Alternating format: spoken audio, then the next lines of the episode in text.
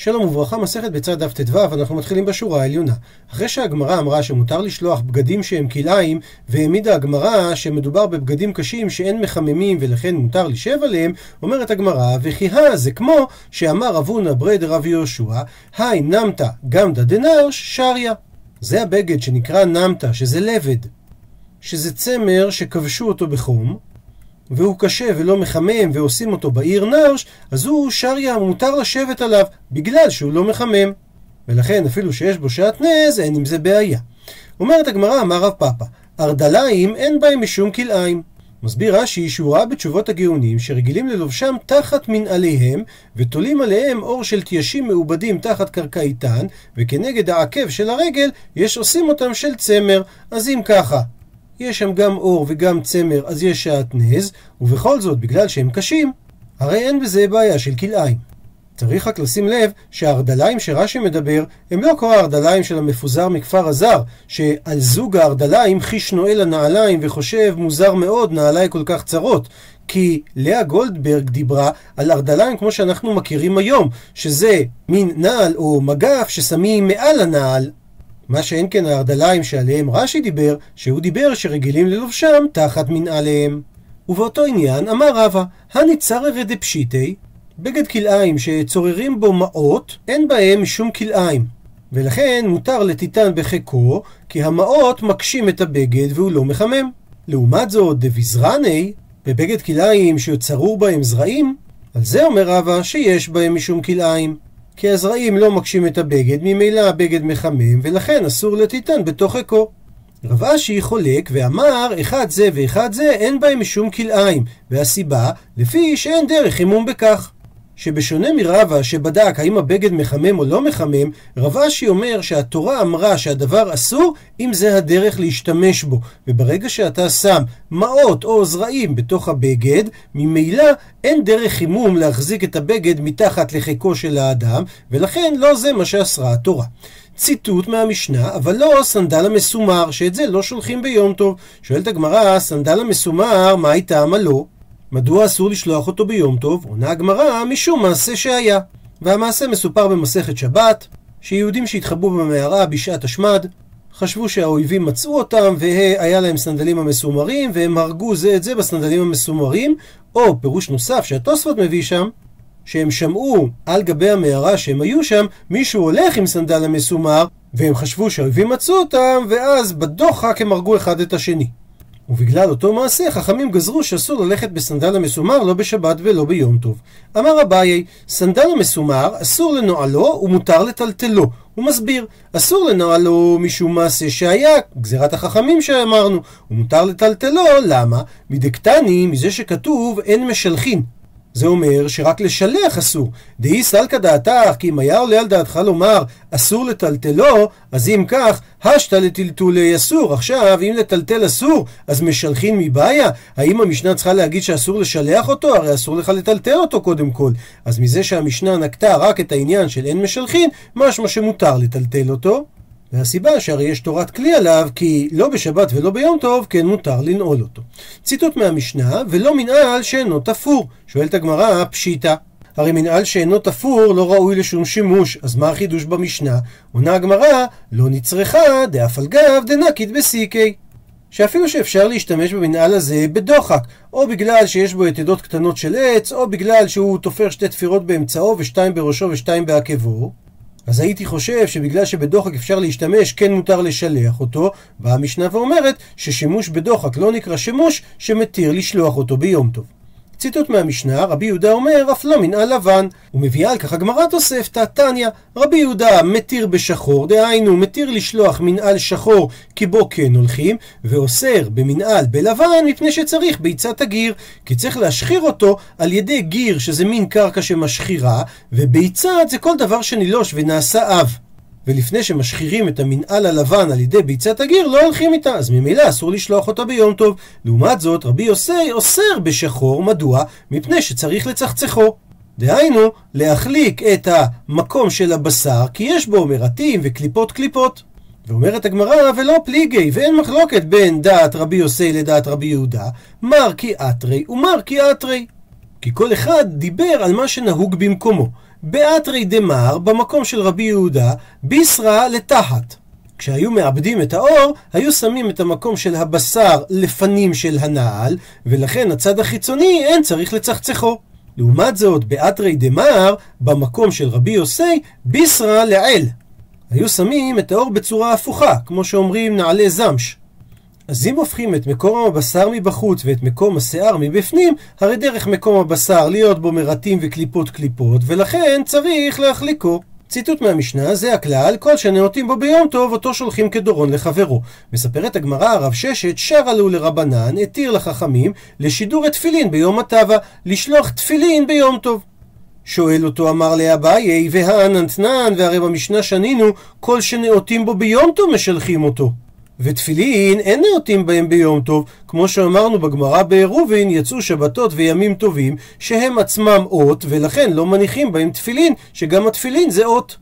שעל התפילין נאמר, והיה לך לאות על ידיך, ועל שבתות וימים טובים נאמר, כי אות היא ביני וביניכם. עונה לו רב ששת, אחי כאמר, כך צריך להסביר את המשנה. כל שנאותים בו בחול, ביום חול הוא מתוקן כל צורכו, אז אותו, משלחים אותו ביום טוב. זאת אומרת שהמילים ביום טוב שכתובות במשנה, הן לא הולכות על המילים שנאמרים לפניהם לגבי נאותים, אלא על המילים שהולכות אחריהם, המשלחים. וממילא זה בא לרבות תפילין, שהם מתוקנים כל צורכו ביום חול, לכן מותר לשלח אותם ביום טוב. אבל זה דווקא על תפילין, לא על סנדל המסומר, שאפילו שמותר ללכת עם סנדל המסומר ביום חול, בכל זאת לא התירו לשלוח אותו ביום טוב, כדי שאנשים לא יבואו בטעות להתיר לנעול אותו ביום טוב. אמר אביי, תפילין, הואיל ועטו לידן, מזה שהגענו לשאול עליהם משהו, אז ני במו מילתא. נאמר בהם איזה דבר הלכה. היה בא בדרך, בערב שבת, ותפילין בראשו, ושקעה עליו חמה. אז מה עושה? מניח ידו עליהם עד שמגיע לביתו. והוא מסתיר אותם כדי שלא יראו, וחכמים התירו לו להכניסם לעיר דרך מלבוש, שזה נחשב העברה כלאחר יד וזה רק איסור דה רבנן, ומשום ביזיון לתפילין חכמים התירו את זה. ואותו דבר היה יושב בבית המדרש, ובתי המדרש בזמנם בשדה היו, וזה מקום שאינו משתמר, ותפילין בראשו וקידש עליו היום, מה עושה? מניח ידו עליהם עד שמגיע לביתו. מקשה מיטיב רבונה ברי דרב איכא על מה שאמר אביי, שהרי יש לנו ברייתא שאומרת, היה בא בדרך ותפילין בראשו וקידש עליו היום, מניח ידו עליהם עד שמגיע לבית הסמוך לחומה. זאת אומרת, שמי שנכנס לעיר יתנם בבית הראשון ולא יוליכם עד ביתו. ואותו דבר, היה יושב בבית המדרש וקדש עליו היום, מניח ידו עליהם עד שמגיע לבית הסמוך לבית המדרש. וזה סותר את מה שאמר אביי, שהוא מניח ידו עליהם עד שמגיע לביתו. עונה הגמרא לא קשיא, הא דמינטרא, הא דלא מינטרא. הברייתא שדיברה שמעביר את זה עד הבית הסמוך לבית המדרש או לחומה, זה דמינטרא, שהם נשמרים שם, ולכן מותר שם את התפילין. והבית שאמר לביתו, בגלל שאותו בית שסמוך לבית המדרש, או הבית הראשון שסמוך לחומה, לא נשמרים שם התפילין. אבל שואלת הגמרא, אי דלא מינטרא, אבל אם הם לא נשמרים, אז מה איריה בראשו? אפילו מחתן בארה נמי. למה אביי דיבר על אם התפילין נמצאים בראשו? הרי אפילו לאחר שקדש היום הוא מצא אותם מונחים בקרקע, התירו לו חכמים להניח אותם בראשו ולקחת ולהצניע אותם. דהתנן שהרי שנינו במסכת שבת, המוצא תפילין מכניסם זוג זוג. שמי שמוצא בשבת בשדה תפילין, הוא מכניס אותם לעיר זוג זוג. זאת אומרת, הוא נותן בראשו אחד ואחד בזרועו כדרך הנחתן בחול, באופן הזה הוא יכול להכניס אותם, וחוזר והולך ולובש זוג אחר ומכניס אותם עד שהוא יסיים את כל ערימת התפילין שהוא מצא. ואת זה חכמים התירו בגלל שמדובר על מקום שהוא לא משתמר. אז לפי מה שענתה הגמרא, שמה שדיבר אביי זה במקום דלא מינטרה, למה צריך שהוא יהיה כבר לבוש בתפילין? הרי אפילו אם הוא מוצא אותם ברצפה, מותר לו להניח אותם. עונה הגמרא, לא קשיא, אין קושייה בדברי הבאי לברייתא. למה? מה שדיברה הברייתא שלוקח את זה עד הבית הראשון בחומה או הקרוב לבית המדרש, זה במקרה שאותו בית דמינטרה מחמת גנבי ומחמת כלבי. אין חשש שהתפילין יוזקו לא בגלל גנבים ולא בגלל כלבים. הא, מה שהבאי אמר שלוקח אותם עד ביתו, זה במקרה שאותו בית שקרוב לחומה או קרוב לבית המדרש, דמינטרה מחמת כלבי, הוא אכן שמור מחמת כלבים, אבל ולא מינטרה מחמת גנבי, הוא לא שמור מחמת גנבים. ומה החידוש של אביי? מה עוד תימה? מה הייתי חושב לומר? רוב ליסטים ישראל נינו, מדובר בעיר שרובה ישראל, לכן גם רוב הגנבים שם הם ישראל, ואם כך ולא מזלזל לבהו, אולי הם לא יבואו לזלזל בתפילין, כמה השמלן, בא אביי לחדש לנו. שמאחר שהתפילים הם בראשו, כן התירו לו להוליכם עד ביתו כדי לשמור עליהם מחמת הגנבים.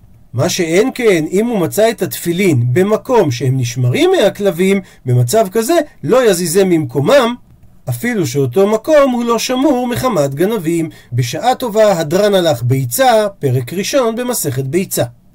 הפכנו דף, אומרת המשנה הראשונה בפרק שני. יום טוב שחל להיות ערב שבת, לא יבשל בתחילה מיום טוב לשבת. זאת אומרת, תחילת בישולו ועיקרו לא יכול להיות לשם שבת, אלא הוא חייב להיות לשם יום טוב תחילת הבישול שלו, ורק מה שנשאר לו יהיה לשבת. ובלשון המשנה, אבל מבשל הוא ליום טוב, ואם הותיר, הותיר לשבת. ועכשיו מתחילה המשנה לבאר את מה שנקרא עירובי תבשילין, ועושה תבשיל מערב יום טוב, וסומך עליו לשבת. כאשר בית שמאי אומרים צריך בשביל עירוב תבשילין שני תבשילין, ובית הלל אומרים שמספיק תבשיל אחד, ושווים, דהיינו מודים בית שמאי לבית הלל, בדג וביצה שעליו, שהיו תחים ביצה לדג שצולים אותו, שזה נחשב שהם שני תבשילים. מה קורה אם אכלו או שאבד אותו עירוב תבשילין קודם שהוא בישל את כל צורכי השבת? במקרה כזה לא יבשל עליו בתחילה. שהרי אין לו עכשיו עירוב תבשילין, אבל ואם שיער ממנו כלשהו, סומך עליו לשבת, ויכול לבשל בשבילו עבור השבת. ושואלת הגמרא, מנה הנמילי, ובשונה מבדרך כלל, הגמרא לא מתכוונת מאיזה פסוקים לומדים את הדבר, שהרי עירובי תבשילין זה תקנה דרבנן, אלא הגמרא שואלת על איזה פסוק אסמכו הרבנן. את התקנה של עירובי התבשילין. ומביאה הגמרא שתי אסמכתאות מפסוקים. הראשון, אמר שמואל, דאמר קרא. שכתוב בתורה, זכור את יום השבת לקדשו, ומזה דרשו, זוכרהו מאחר שבא להשכיחו. שהרי אם כתוב זכור, אין זכירה, אלא בדבר המשתכח. אז כשבא יום טוב בערב שבת, קרוב השבת להשתכח בגלל היום טוב, שמרבה בסעודת היום, ואינו מניח לשבת כדי כבודו. לכן הזירך הכתוב לזוכרו. וכשהאדם מערב עירובי תבשילין, נמצא שזוכר את יום השבת, שהרי הוא לא עושה את עירובי התבשילין, אלא בגלל השבת. ושואלת עכשיו הגמרא, מהי טעמה? דהיינו, למה חכמים בכלל תקנו עירוב? שהרי מה ששמואל הביא את הפסוק, ודאי לא מדבר בעירוב, אלא זה רק אסמכתא בעלמא. אז מה ראו חכמים לתקן את עירובי תבשילין? מביאה על כך הגמרא שתי תשובות. תשובה ראשונה, מה רבה? כדי שיברור מנה יפה לשבת ומנה יפה ליום טוב. שמתוך שמערב הוא זוכר את השבת ואינו מכלה את הכל ליום טוב ובורר מנה לשבת ומנה ליום טוב. תשובה שנייה, רב אשי אמר שעירובי תבשילים הם לא לכבוד שבת, אלא זה לכבוד יום טוב. כדי שיאמרו האנשים, אם אין אופים מיום טוב לשבת, אלא אם כן התחיל כבר מבעוד יום, ואז הוא רק גומר והולך, אבל שלא יתחיל להכין ביום טוב, אז קל וחומר שמיום טוב לחול, לגמרי אסור להכין. שואלת הגמרא, אתנן, הרי שנינו במשנה שלנו, שעושה תבשיל מערב יום טוב וסומך עליו לשבת. אז בישלמה נוח לי להבין לרב אשי, דאמר שהסיבה של עירובי התבשילין זה כדי שיאמרו אין אופים מיום טוב לשבת. זאת אומרת שלכבוד יום טוב תקנו את עירובי התבשילין, כדי שיאמרו שאסור להתחיל בשולי שבת ביום טוב. היינו, אז זו הסיבה, דמערב יום טוב אין, אבל ביום טוב עצמו לא מתחילים להכין את עירובי התבשילין, אלא לרבה. שהוא אמר שהתקנה היא כדי שיברור מנה יפה לשבת, ומתוך כך הוא זוכר את השבת, אז מהי איריה, מדוע דיברה המשנה דווקא מערב יום טוב? הרי אפילו ביום טוב נמי. שגם אם יעשה את עירוב התבשילין לפני סעודת יום טוב, עדיין יש כאן זכירת שבת לברור את המנות שלו. עונה הגמרא, אין הכי נמי. באמת, לפי רבא, צריך ואפשר היה לעשות את עירובי התבשילין גם ביום טוב עצמו. למה לא התירו את זה? אלא גזירה שמא יפשע. שאם הוא לא יעשה את זה בערב יום טוב, יכול להיות שהוא ישכח והוא לא יערב כי הוא יהיה טרוד במצוות יום טוב. מביאה עכשיו הגמרא את המקור אסמכתא השני. ותנא, מאי תלמהכה? התנא של הברייתא הבאה הביא את זה מהפסוק הזה. כתוב, את אשר תופו אפו, ואת אשר תבשלו בשלו. ואומר רש"י, שהתורה יכלה לכתוב, היום אפו ובשלו. ולמה היא נקטה את אשר תופו אפו ואת אשר תבשלו בשלו? אלא רמזו שיש לך יום שישי שאין אופים לצורך מחר. מכאן אמר רבי אליעזר שאין אופין אלא על האפוי ואין מבשלים אלא על המבושל. שיש יום שישי כזה, שרק אם עפית כבר משהו ביום חמישי, מותר לך להכין ביום שישי, ואותו דבר, אם יש לך תבשיל מוכן ביום חמישי, רק באופן כזה מותר לך להמשיך ולהכין תבשיל ביום שישי. מכאן סמכו חכמים לעירובי תבשילים מן התורה. ומביאה הגמרא ברייתא בעניין, תנו רבנן, שנו רבותינו, מעשה מרבי אליעזר, שהיה יושב ודורש כל היום כולו בהלכות יום טוב. והדרשה שלו מתבצעת ביום טוב. וכנראה לא שמו לו את השעון מולו, כמו שנוהגים בחלק מבתי הכנסת, אז השיעור התארך, יצתה כת ראשונה, אמר עליהם, הללו בעלי פטסין. זאת אומרת, הם הכינו לעצמם הרבה דברים טובים לאכול, הם בעלי נפש, והם לא הגיעים לשמוע תורה. כשהכת השנייה יצאה, אמר הללו בעלי חביות. כשהכת השלישית יצאה, אמר הללו בעלי קדין. כשהכת הרביעית יצאה, אמר הללו בעלי לגינין.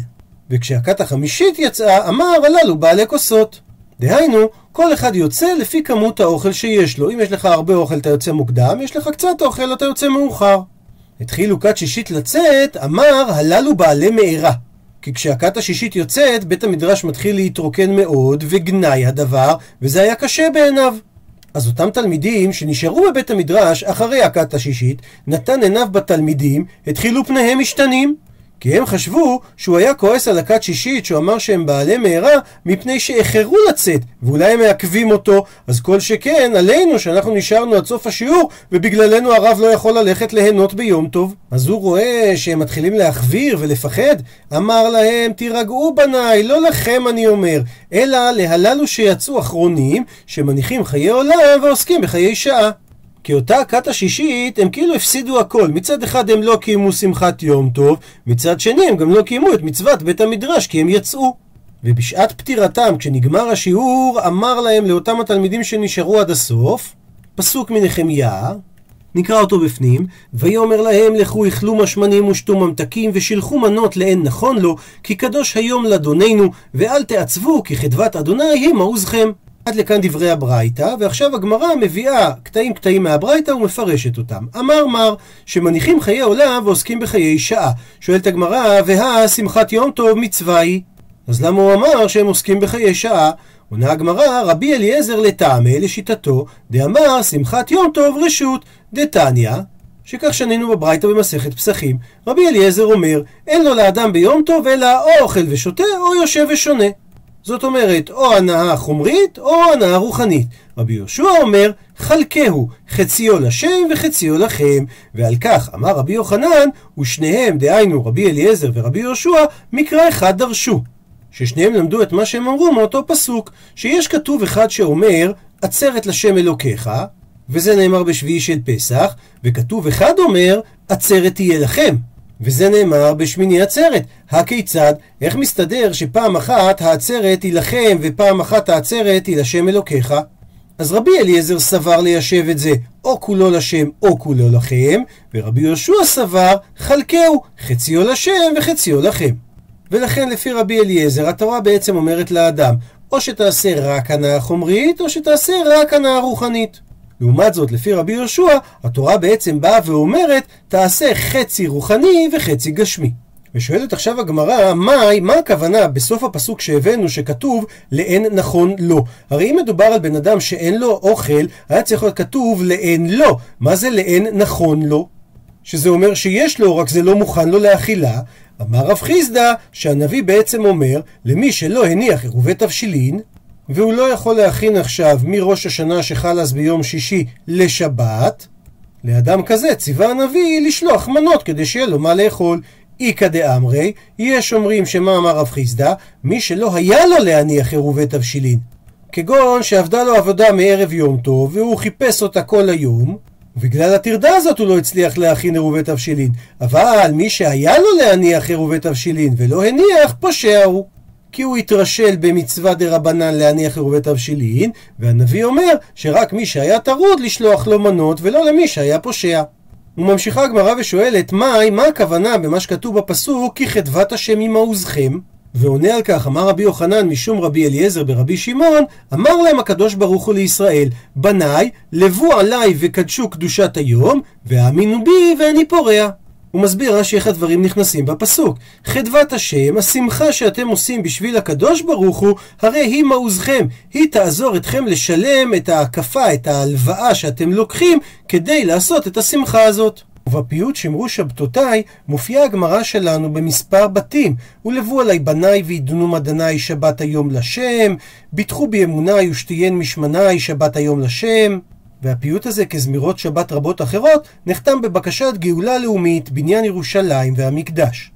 מביאה הגמרא עוד מימרה, ואמר רבי יוחנן משום רבי אליעזר ברבי שמעון, הרוצה שיתקיימו נכסיו, דהיינו שלא יהיה האדם גוזל ממנו את השדות שלו, מה יעשה? ייטע בהם עץ שנקרא אדר, שנאמר, פסוק בתהילים נקרא אותו בפנים, מקולות מים רבים אדירים משברי ים, אדיר במרום אדוני. ומזה שנאמר אדיר במרום, כלומר, אדר זה לשון קיום וחוזק, לכן העץ הזה נקרא אדר. אינמי, או גם, אידרא כשמי. דהיינו, כמו שמפרשים בני אדם את שמו של העץ. כדאמרי אינשי, כמו שאומרים האנשים, מהי אידרא, מה המשמעות של השם אדר, דקיימא לדרי דרי. דבר שקיים לדורי דורות, כי לא חומסין אותו ממנו. תניא נמי אחי, שנינו כך גם בביתה, שדה שיש בה אדר אינה נגזלת ואינה נחמסת, ופירותיה משתמרין. מסביר רש"י שחמסן זה מי שנותן כסף ולוקח בכוח מהבן אדם, ויש קול לדבר, לכן היום או מחר הוא יזמין אותו לבית הדין ויחזירו לו את השדה. ולעניין פירותיה משתמרים, אחרי שרש"י אומר שאני לא יודע מה זה, הוא מביא שני פירושים. יש מפרשים שנוטעים אותו על הגבולים ויש לו ענפים הרבה ואז הוא הגדר של השדה, ופירוש נוסף שהוא מין עשב חשוב וזרעו מתערב עם הפירות, ובשדה לבן, זאת אומרת בשדה של תבואה, משתמרת התבואה מן הכנימה והתולעים, כי הריח של הזרע של האדם מבריח את התולעים והורג אותם. דוקטור משה רענן בפורטל הדף היומי מביא שעץ ההדר לא כל כך ברור מה הזיהוי שלו, יש כאלה שזיהו אותו כהדר סורי. עד לכאן דף ט"ו.